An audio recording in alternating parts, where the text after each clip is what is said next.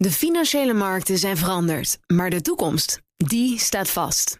We zijn in transitie naar een klimaatneutrale economie. Dit biedt een van de grootste investeringskansen van onze generatie. Een kans voor u om mee te groeien met de pioniers van morgen. Meer weten? Ga naar carbonequity.com.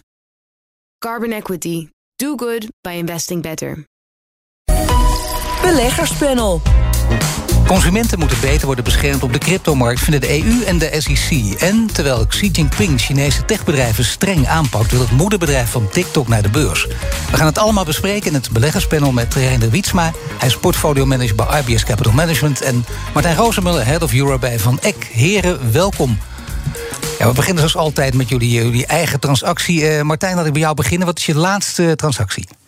Ja, mijn laatste transactie is een, uh, een ETF. Hoe kan het ook anders in mijn geval? Ja. En wel eentje die uh, belegt in bedrijven die uh, onderdeel zijn van dat crypto-universum, zou je kunnen zeggen. Dus die iets doen wat te maken heeft met digital assets. Ja, dus een, wat is, hoe zou je deze zeggen? Is dat een beetje risicovol of juist heel voorzichtig? Nou, dat is best een beetje risicovol, want het is natuurlijk een hele jonge sector waar over het algemeen ja. bedrijven in zitten die nogal bewegen en vaak ook een hoge correlatie hebben met de koers van onder andere Bitcoin of Ethereum maar toch veiliger dan direct in crypto gaan. Vind je dat een link? Uh, nou, ik zit ook voor een klein stukje wel direct in crypto. Maar waar ik zelf natuurlijk altijd een groot voorstander van ben geweest, is het aanbrengen van spreiding. En uh, het fijne van zo'n ETF, als ik net noemde, is dat hij in, in ja. ja. zeg maar 25 verschillende bedrijven belegt, die allemaal toch een ander stukje van, dat, uh, ja, van die sector bespelen. En dat geeft dan toch iets meer rust. Reinder, wat is jouw laatste transactie? Ook, ook een rustgevende? Uh, ja, eigenlijk wel. Oh, toch? Ik, uh, ik hoop dat dat uh, de uitkomst gaat zijn. nee, we hebben bij IBS dit jaar drie transacties gedaan in onze portefeuille. En de derde is wint niet de originaliteitsprijs, maar dat is een aankoop in Amazon. Amazon is natuurlijk vaak en veel besproken, grote onderneming. Ja. Um, maar het is, uh, ik denk toch dat het ook voor de komende jaren een hele mooie uh, risico-rendementsverhouding heeft. In die zin dat Amazon er goed voor staat. En dat ook de komende tijd juist de segmenten van Amazon die veel winstgevender zijn, nog veel harder gaan groeien. Ja, is, is dit, omdat ik vraag het nu vandaag, maar dat had over een paar maanden bijvoorbeeld heel anders kunnen zijn. Ben jij iemand die over het algemeen trouwens vrij risicovol of juist heel veilig Nee, ik ben zeer risicovol, maar dat heeft ook met, uh, maar persoonlijk dan met mijn leeftijd te maken en het feit dat ik denk dat ik dat kan hebben. uh, maar in het geval van Amazon geldt dat het natuurlijk op zichzelf bijna een ETF is. En die ze doen heel veel ja. verschillende dingen. En het grootste segment van Amazon is Amazon Web Services. Dat gaat nu om 57 miljard uh, per jaar aan inkomen. Dat groeit ook nog eens heel hard. Over de laatste 12 maanden groeide het bijna 40 procent. En alle diensten eigenlijk die we dagelijks gebruiken. denk aan Netflix, denk aan zelfs Disney Plus, de, de streaming ja. service, ja. Twitter. En heel veel andere zaken draaien op Amazon Web Services. En dat is echt de kritische infrastructuur van het, uh, het hedendaagse internet. Um, en dat en ook het adverteren op het Amazon-platform groeit ontzettend hard. Uh, vijf jaar terug ging het nog om 6 miljard per jaar, nu om bijna 30 miljard per jaar. Um, nou, dat zijn segmenten die heel winstgevend zijn en ook maken dat Amazon als belegging voor ons uh, interessant is. Hey, Rijn, jij volgt ze dus goed, neem ik aan. Ja. Er was eind vorige week volgens mij een uh, gerucht dat ze ook Bitcoin zouden gaan accepteren als betaalmiddel. Ja. Heb je daar iets over gehoord? Is, is dat waar? Nou, Amazon heeft het weer ontkend, uh, maar de, waar, waar dat soort geruchten ook vandaan komen, is bijvoorbeeld zijn vacaturesites. En Amazon zoekt actief naar mensen die nou ja, crypto-expert zijn in die zin dat je dus betalingen kan afhandelen in cryptocurrencies via Amazon.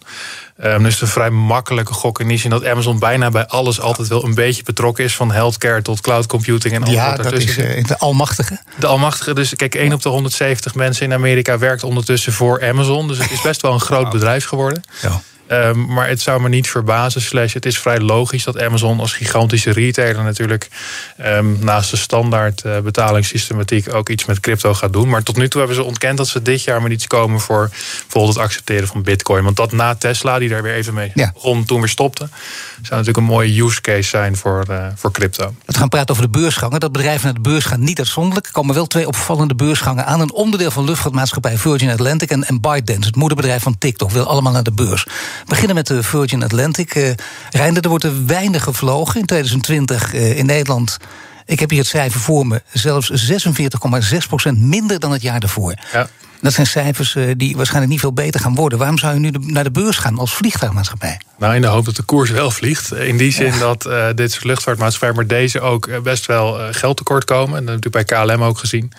Uh, en eigenlijk in de hele breedte. Bedoel, dat is echt niet alleen onze nee. Nederlandse KLM die, die dit niet goed kunnen, nee. kunnen verhappen. De marges zijn ook heel laag. Ehm, Richard Branson heeft 51% van de aandelen. Dus als die een stuk van zijn eigen belang verkoopt, dan, dan maakt hij daarmee naar liquiditeit. Wordt zou de onderneming ook de mogelijkheid geven om aandelen te verkopen. Ehm, en dan gaat het verhaal natuurlijk zijn: kijk vooral niet terug, maar kijk vooruit. Want ja. Eh, we willen allemaal weer op vakantie. We willen volgend jaar na de Delta-variant of de, de andere variant die dan misschien uh, komt, natuurlijk nog graag op vakantie, nog liever. Ehm, dus de hoop uh, doet lezen. Ehm, maar het sentiment in, in, in het algemeen rond uh, luchtvaartaandelen is niet, uh, is niet geweldig. En het was ook altijd al wel een sector die niet heel erg veel Nee, dat is het. Hè. Dat juist sowieso. Dan zou je kunnen zeggen, zeker met een beetje risicobesef wat jij hebt... dan denk je, nou, dat kun je juist wel doen. Dat kan een heel mooi moment zijn. Maar dit is toch te veel drijven. Die risicoperceptie van mij is altijd wel bij bedrijven... die wat langer uh, in staat zijn om hun eh, verdiencapaciteit... consistent op peil te houden. Dus dat competitieve voordeel, uh, waar we dan voor vaak naar kijken als beleggers. Um, ja, en in, in de luchtvaart zie je natuurlijk vaak dat mensen hun selectie doen op prijs en op, op nou ja, kosten. Uh, er zijn een paar budgetspelers die het redelijk gedaan hebben. Ook in de, de pandemie en daarna. Ook als je kijkt naar de beurskoersen. Ja. Uh, maar het merendeel niet. En er is ook nog sprake van een beetje oneerlijke concurrentie. Want vanuit het Midden-Oosten, Qatar, Dubai... zijn natuurlijk heel veel luchtvaartmaatschappijen... die nou ja, met een beetje hulp van, uh, van oliedollars in veel gevallen ehm, ook concurreren op een ander prijsniveau. Nou, ik hoop dat hij niet eh, via Google Translate het allemaal aan het vertalen is. Die Richard Branson hoorde hij dit verhaal, dan schrikt hij zich helemaal rot. Want in 2020 draaide het bedrijf een verlies van 778 miljoen euro. En als, als dat nog niet gek veel zegt, dat is ook naar verhouding behoorlijk veel. Maar veelzeggender is misschien dat twee op de vijf werknemers van het Britse bedrijf zijn ontslagen. Het bedrijf heeft een aantal vliegtuigen ook verkocht.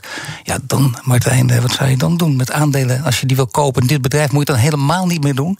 Nou, kijk, ik denk dat eh, de vraag niet zozeer is: hè, waarom zou Richard Branson een deel naar de beurs willen brengen? Want die vraag is makkelijk te beantwoorden. Hij heeft het geld nodig en uh, ja, dan maar op dit niveau. Hij heeft, laten we zeggen, niet veel te kiezen.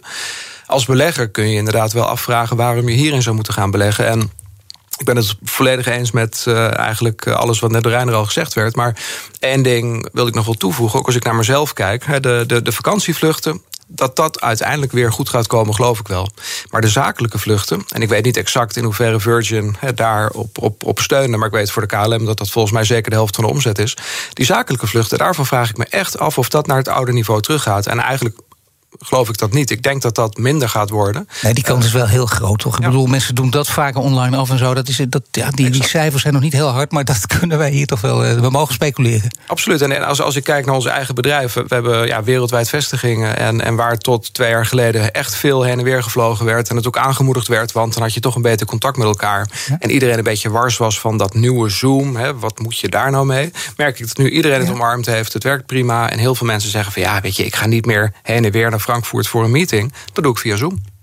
Hoe zit het eigenlijk met, uh, als we kijken naar Richard Branson met zijn ruimtereizen en we kijken naar uh, Virgin Atlantic, heeft dat meteen, of Virgin Galactic, heeft dat meteen invloed op Virgin Atlantic? Speelt dat één op één bijna? Dat goed zijn voor de merkwaarde. En hij is natuurlijk veilig teruggekomen na een, uh, na een ruimtereis. Ja, dat scheelt. Dat is een thema dat bij zeer vermogende mensen in Amerika slash Engeland speelt. Ja.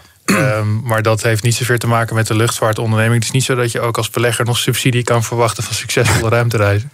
Nee, dat misschien wel kan zeggen. brand is het wel goed. Dat is, dat is zeker waar. Het doet mij wel een beetje denken aan hoe sommige autofabrikanten bijvoorbeeld gebruik maken van, van de Formule 1. Hè, om te laten zien wat ze kunnen. En, en hè, daar worden natuurlijk echt topprestaties geleverd met Goede marketing. technologie die later zijn weg vindt naar auto's. Misschien dat op die manier uh, Virgin Galactic een beetje bijdraagt aan. Uh, het Virgin brand is natuurlijk wordt voor meer dingen gebruikt. Je kunt verzekeringen, je kunt een heel palet aan cola. tijd, uh, ja.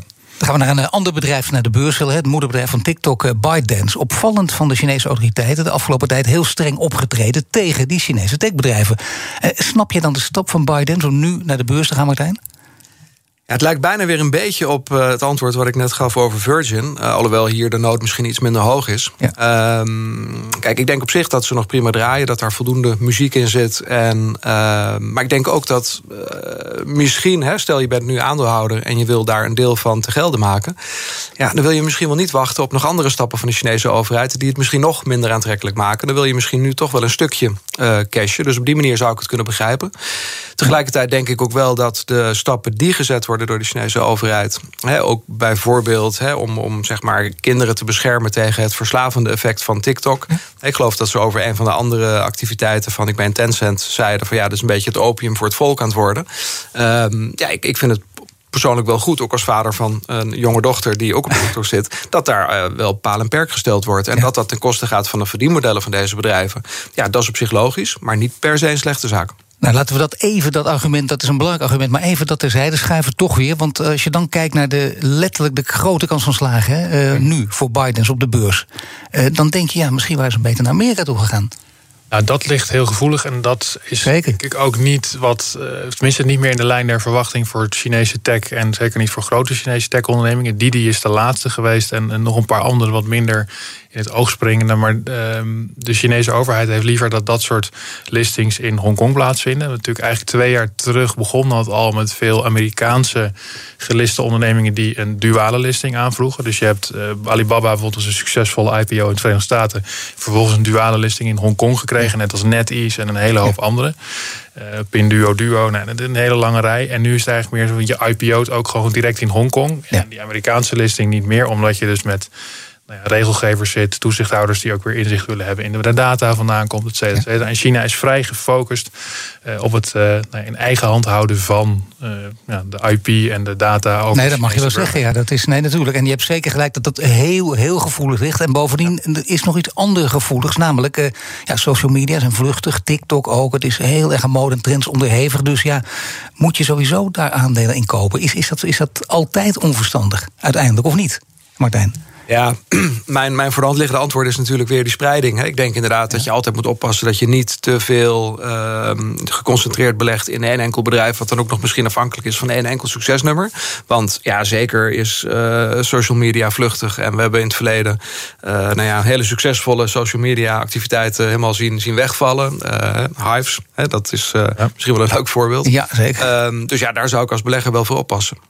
Ja, vind je dat ook? Of, want je kunt natuurlijk dan je kan schoon zien en denken, het is heel kort. En nu kan ik even snel ook eh, de buiten pakken. Ik denk dat TikTok wel een escape velocity heeft. In die zin dat ze met meer dan een miljard gebruikers per maand eh, best wel groot zijn. Zeker ook. En TikTok is natuurlijk het, het, het westerse gedeelte. Je hebt ook. Uh, ja het, het, Chinese stuk dat heet anders en dat is echt voor de Chinese markt. Maar Hoe heet dat ook alweer? Uh, Douyu, als ik me niet vergis. Douyu, ja. En dat is echt voor de Chinese uh, markt. Dus dat zijn, TikTok is echt het westerse platform.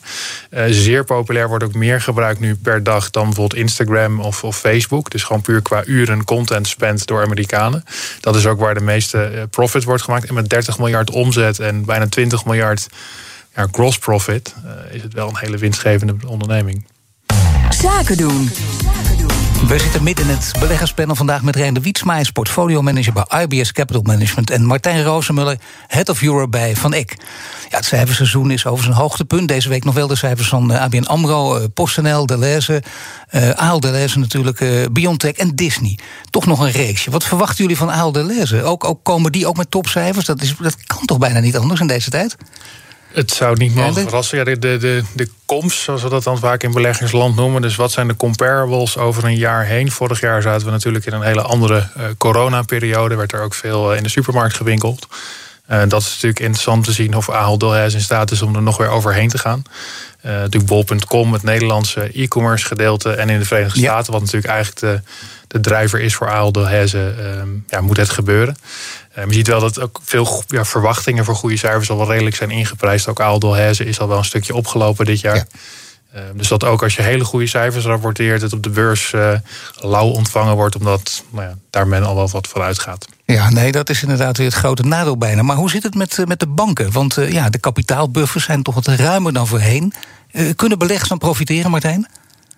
Nou ja, het goede nieuws in de bankensector is natuurlijk dat er weer dividend betaald mag gaan worden. Dat is in ieder geval een opluchting voor veel beleggers. En uh, nou ja, dat zal misschien wel wat comfort geven. Maar ja, aan de andere kant. Lage rente. De, precies daar is natuurlijk uiteindelijk waar het geld verdiend moet worden. En dat is nog steeds heel erg moeilijk. Uh, je ziet ook dat banken het sparen actief aan het ontmoedigen zijn nu, omdat het zo simpelweg te veel geld kost. Ja. Uh, bij ABN staat er geloof ik nou, wat was het, uh, eh, 26 miljard. Nou, er, er, staat nog heel veel spaargeld, wat, wat dus heel weinig rendeert. En daar kan je natuurlijk van zeggen als bank... van nou, dan gaan we die spaarrente wat verder negatief maken. Dus je hebt er wel een uh, sleuteltje om of, of, of, of, een knopje om aan te draaien. Maar het is lastig. En, en, je ziet heel veel spaaractiviteiten die gestopt worden. Wat op zich dan voor onze sector weer gunstig is... omdat die mensen toch langzaam richting uh, beleggen worden geduwd. Wat op zich denk ik wel goed nieuws is. Maar ik teken daar wel bij aan dat je dit eigenlijk eh, de afgelopen 20, 30 jaar vaker hebt zien gebeuren. En vaak op momenten dat de, de, de banken zeg maar, dus het spaargeld echt niet meer nodig hebben, dan worden mensen wel richting beleggen geduwd. Maar ja, dat is vaak ook het moment dat die beurs al redelijk hoog staat. dus die, die cyclus die, die, die loopt niet zeg maar, altijd even synchroon met hoe je hem eigenlijk zou willen zien. Nee, ik wil niet echt gewijs gaan doen. Jullie weten dit veel beter dan ik. Maar ik denk toch, uh, de druk is nooit zo groot geweest. Nu met die negatieve spaarrente, beleggen, beleggen. Ook mensen die het nooit doen, die, nemen, die beginnen met een gokje te wagen. En die worden daardoor door het virus aangestoken. Het andere virus dus. En die denken, wie weet wat we gaan doen. Het televirus. Ja, ja dat, is, dat, is, zeker waar. En, en, en, de, en de woordkeuze die, die je neemt. Een gokje wagen is, is, is ook wel typisch. Want je ziet inderdaad dat, dat mensen die wellicht nog nooit belegd hebben... nu inderdaad iets proberen in, in bijvoorbeeld de cryptomarkt... of, of een individueel aandeel. Hè. Die ja. meme-stock mania in Amerika was tekenend. En, en ook wel een beetje zorgwekkend. Want ik, ik, ik denk toch, hè, al 10, 15 jaar rondlopend... in, in ook het retail eh, beleggerswereldje...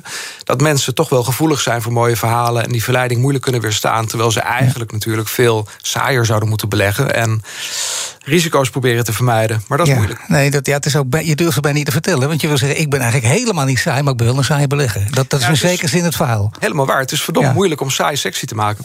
ja, maar jullie doen het allebei toch in zekere zin. Ik bedoel, dat, is, dat, dat begint ook een beetje door te dringen... want uiteindelijk is het sexy als je merkt wat eruit komt. Uh, ja, en, en ik denk dat veel goede beleggingen hoeven een heel spannend verhaal te zijn op zichzelf. Dus dat, dat, dat klopt. En Martijn is natuurlijk uh, nog meer dan ik zelf in de hoek van, uh, van spreiding. Dus zoveel mogelijk verschillende dingen. Om... Die is heel saai, hè, met jou vergeleken. Die is, die is ongelooflijk. nog minder sexy. Wel, een, wel heel aardig, maar heel snee. Ehm, maar dat, is, dat, dat, dat verschilt een klein beetje. Maar het ja. doel, het verhaal is natuurlijk hetzelfde. Um, het probleem voor veel ja, startende beleggers, omdat de rente laag is. Het is natuurlijk op de vastgoedmarkt en in de aandelenmarkten. iedereen ook niet ontgaan dat de rente laag is. Dus dat is dan, zoals we dat zo mooi zeggen, wel ingeprijsd. Dan uh, BioNTech, uh, medeontwikkelaar van BioNTech Pfizer-vaccin. Dat opent deze week zijn boeken. Nou, die resultaten, mensen verwachten denk ik ook. Hè, dat moet net zo positief zijn als bij Pfizer. Is dat een beetje, je knik ja, maar Martijn? Ja, dit, dit Met is overtuiging? Wel, dit, dit, is wel iets wat, wat echt verwacht wordt, uh, ingeprijsd is. Uh, wat denk ik wel interessant is, is om te zien hoe het vervolg gaat zijn. ik geloof dat ze van, uh, wat was het, 80 miljoen verlies naar 1 miljard winst gingen maar ze verwachten nog, nog, nog 1, 2 miljard uh, winst kunnen maken in de komende periode. En ja, daar, daarvoor is met name denk ik van belang. Wat gaat er gebeuren met al die landen die zeggen van er moet misschien nog wel een derde prik. Of, of misschien komt er straks wel een periodieke prik. Nou, dat kan natuurlijk voor dit soort bedrijven een hele, hele, hele grote impact hebben voor de langetermijn uh, verwachting. En dat zou nog wel wat voor de koers kunnen doen. Ja, dat kan nog wat voor de koers doen. Dus hele positieve verwachtingen vanuit het perspectief van BioNTech? Zeker, maar het BioNTech en Moderna worden vaak in beleggersland aan elkaar gekoppeld. Het zijn allebei de mRNA-platfora voor de vaccins die we natuurlijk ook dagelijks uh, ja. bijna bespreken tegenwoordig. Uh, Moderna is ongeveer 300% in koers gestegen dit jaar, vorig jaar ook een veelvoud. En BioNTech doet daar zeker uh, niet voor onder. Ja. Um, de gedachte daar is dat het niet alleen de corona-inkomsten zijn, want die zijn vele miljarden en tientallen miljarden samen. Als je het nu bij elkaar optelt, alleen die, die beurskoers verdisconteerd ongeveer 40 dollar uh, per persoon op de wereld aan inkomsten. Dat is best wel fors. Uh, dus de gedachte gaat nu zo is, is en da daar sorteren die bedrijven ook op voor dat er heel veel andere toepassingen zijn voor het mRNA als het vaccintype. Denk aan malaria, denk aan, aan allerlei andere zaken. En dat klinkt best wel logisch, gegeven de, wat de technologie kan en wat ze er nu mee hebben ja. bewezen te kunnen. Ja. Um, maar het enthousiasme gisteren steeg Moderna nog weer 20% en BioNTech deed daar niet voor onder. Uh, er wordt nu ook uh, nou ja, in retailland, in meme-stockland, maar ook in de wat grotere beleggers behoorlijk in gespeculeerd. Uh, we zijn niet de eerste die dit ontdekt hebben. Dus wat, wat misschien leuk is om nog wel te noemen, uh, is dat uh, ze zijn natuurlijk met name bekend uh, vanwege het coronavaccin. Maar ze doen ook heel veel op het gebied van oncologie, oncologie hebben, kankerbestrijding. En stiekem hoop ik een beetje bij ieder bedrijf altijd dat ze ook nog proberen hè, echt een bijdrage te leveren aan de samenleving. En als het nu op het gebied van de PNL met, met het coronamedicijn zo goed gaat, dat ze wellicht ook die investeringen om, om, om betere kankermedicijnen te maken wat opvoeren. En op die manier ook nog een lange termijn bijdrage kunnen leveren. Die overigens ook commercieel best interessant kan zijn. Dan kunnen we even naar, het, eh, naar de cijfers kijken. Het cijferseizoen een beetje ten einde. Uh, wat springt er uit? De techbedrijven, ASML. Uh, dan wordt er ook gekeken naar, naar de klassieke aandelen van Shell. En als je dat nou tegenover elkaar zet, uh, ja, wat zou je hiervan kunnen zeggen? Je weet wat de meeste mensen roepen. Dat is ongeveer gedaan. Hè? Dat, ja. dat is een beetje, althans de meeste. Dat is de trend nu. En aan de andere kant, nee, kijk vooral steeds ASML. Dat blijft verrassen. Dat gaat maar door. Dat is niet meer verrassend. En Amerikaanse tech. Zeker. Nou, de Amerikaanse tech is, is één op zichzelf. Maar ook als je naar de Nederlandse AX kijkt, is dat een redelijke afspiegeling van wat er in de wereld uh, verandert. Shell heeft nu een, een aandelenkapitaal van ongeveer 160 miljard waard op de beurs. En ze hebben nog 100 miljard aan de schuld. Uh, ASML heeft nu een beurswaarde van 250 miljard. Ja. het verschilt een beetje per dag. Ehm, maar dat betekent, dat geeft natuurlijk maar weer dat het belang van een ASML in Nederland, maar Adyen is ook al de helft waard van Shell. Ja. Ehm, gewoon puur naar het aandelenkapitaal. Kijk, dat dat veel meer verschoven is naar technologieonderneming, ondernemingen in een bijzondere competitieve positie. ASML heeft niet zoveel concurrenten meer. Shell, uh, nou ja, je kunt ook ergens anders denken. Uh, dat is niet zo, niet zo moeilijk. Um, en dat zie je natuurlijk ook terug in Amerika, waar de in de S&P 500 een kwart nu uh, ongeveer bestaat. Maar houden we het nog steeds in de gaten, Shell? Of langzamerhand? Nee, ik, ik totaal niet meer. Uh, totaal niet. Het, het, Shell, ABN AMRO en heel veel andere ondernemingen in Nederland... zijn ondernemingen die niet uh, bij ons als beleggers... voor ons als beleggers interessant zijn bij IBS. Omdat ja. we veel meer willen dat er een sterke competitieve positie is. Martijn, hetzelfde? Uh, ja, onze, onze rol is natuurlijk makkelijk als, als indexvolgers. Hè. Kijken we gewoon naar hoe die index verandert. En, en ja, de ETF mee. verandert mee. Dus ja, je ziet bij ons inderdaad dat Shell een stuk minder belangrijk is dan tien jaar geleden. Maar dat is met name gewoon een uh, gevolg uh, van het feit dat ze minder zwaar in, in de index zitten. Ja. In de verschillende indices moet ik zeggen. Want het is natuurlijk niet alleen de AIX, maar ook in de wereldwijde indices waar Shell wel in zit, maar steeds wat kleiner. Even kijken nog naar de cryptomarkt, heren. Want autoriteiten wereldwijd die willen meer regulering voor de jonge cryptosector. Gary Gensler, de voorzitter van de, de beurstoezichthouder SEC. Meer bevoegdheden, zegt hij, op de cryptomarkt. EU-lidstaten onderhandelen over een wetsvoorstel om de markt beter te reguleren. En die Gensler die pakt er stevig uit. Het wilde westen, dat soort termen blijft ook hangen. Daar schrikken mensen ook van. Wordt dit dan uiteindelijk uh, net zo'n gereguleerde markt als, als bij andere financiële markten? Ik denk het wel. Ik denk dat het goed nieuws is. En dat zag je eigenlijk ook wel aan, aan, aan de koersbewegingen na die uitspraken. hoe, hoe gek het misschien ook klinkt, hè, dat het strenger aangepakt wordt, is goed nieuws. Want dat zorgt er waarschijnlijk ook voor dat het toch voor meer mensen uiteindelijk toegankelijk wordt. Uh, dat het minder spannend wordt. Dat wellicht ook institutionele beleggers uh, kunnen instappen. Wat weer zorgt voor wat minder volatiliteit. Dus uiteindelijk zie ik het wel als iets positiefs. Maar is dat Wilde Westen juist niet die term ook die erop geplakt wordt? Juist ook een deel van de aantrekkingskracht waardoor je denkt... ja, daar moet je niet zo snel afscheid van nemen. Of nou, willen nemen zelfs. Voor een deel is dat misschien wel de aantrekkingskracht. Maar die aantrekkingskracht die werkt natuurlijk een beetje averechts... omdat het uiteindelijk ja. niet kan waarmaken wat er beloofd wordt. En uh, met name de link die ze maakten met een stukje educatie... met mensen meer inzicht willen geven, die vind ik wel belangrijk. Um, want uh, het is natuurlijk echt belangrijk dat je als belegger snapt waar je in belegt. En ik denk in heel veel gevallen in die cryptowereld hebben mensen eigenlijk geen idee. Nee, nee. Behalve dan dat de buurman zei: dit gaat morgen verdubbelen. Ja, nee, dat is inderdaad. Uh, de kennis van de buurman is belangrijk. Al handig als je naast jullie woont, maar dat, daar ga je even niet van uit. Hè. In Nederland pleit het Centraal Planbureau ervoor om cryptomunten helemaal te verbieden. Wat vond je daarvan? Ja, dat vond ik een uh, niet zo zalige uitspraak. um, omdat dat. Um, ja, ook zeker met het hedendaagse internet natuurlijk nooit te handhaven is. En je dan ook het gelijk in de hoek drukt van het dus verbieden. En daarmee dus ook illegaliteit creëert en nou ja, et cetera, et cetera. Um, aan de, de, gewone beleggerskant kun je het dan reguleren. Maar hebt natuurlijk altijd nog het criminele stuk waar je dan natuurlijk, nou, et cetera, et cetera. Dus dat lijkt me niet een onbegonnen opgave. Uh, ik denk dat het veel beter is om het juist naar binnen te halen. Dus om het te reguleren, om het uh, nou ja, bij fatsoenlijke bedrijven onder te brengen. Je hebt natuurlijk Coinbase gehad dat IPO'd is, maar heel veel andere platforms, als mensen weten dat ze bij een nou ja, fatsoenlijke bank of broker um, ja, hun cryptocurrencies kunnen kopen, al naar gelang ze daar uh, behoefte toe hebben. Ja, ja, en niet onbelangrijk, ze daar ook kunnen bewaren op een veilige ja. manier zonder dat je je private key kwijtraakt. Hè? Want een van de redenen dat mensen of dat toezichthouders het graag willen reguleren, is dat hè, binnen het gereguleerde effecten dienstverleningscircuit moet het altijd mogelijk zijn dat iemand zijn bezit terugkrijgt. Ook als die zijn, weet ik veel, inlogcodes kwijt is. En dat is bij crypto's veel moeilijker. Oké, okay, heren, mag ik jullie hartelijk danken. Martijn Rozenmuller, Head of Europe bij Van Eck... en uh, Rein de Wietsma, hij is portfolio-manager bij IBS Capital Management. Straks spreek ik met Rasmus Emmelkamp. Door corona lag zijn bedrijf helemaal stil... maar hij ging niet bij de pakken neerzitten... begon het bedrijf in corona spoedtesten. Inmiddels is dat het grootste commerciële testbedrijf van Nederland. De financiële markten zijn veranderd, maar de toekomst, die staat vast. We zijn in transitie naar een klimaatneutrale economie. Dit biedt een van de grootste investeringskansen van onze generatie. Een kans voor u om mee te groeien met de pioniers van morgen. Meer weten? Ga naar carbonequity.com. Carbon Equity. Do good by investing better.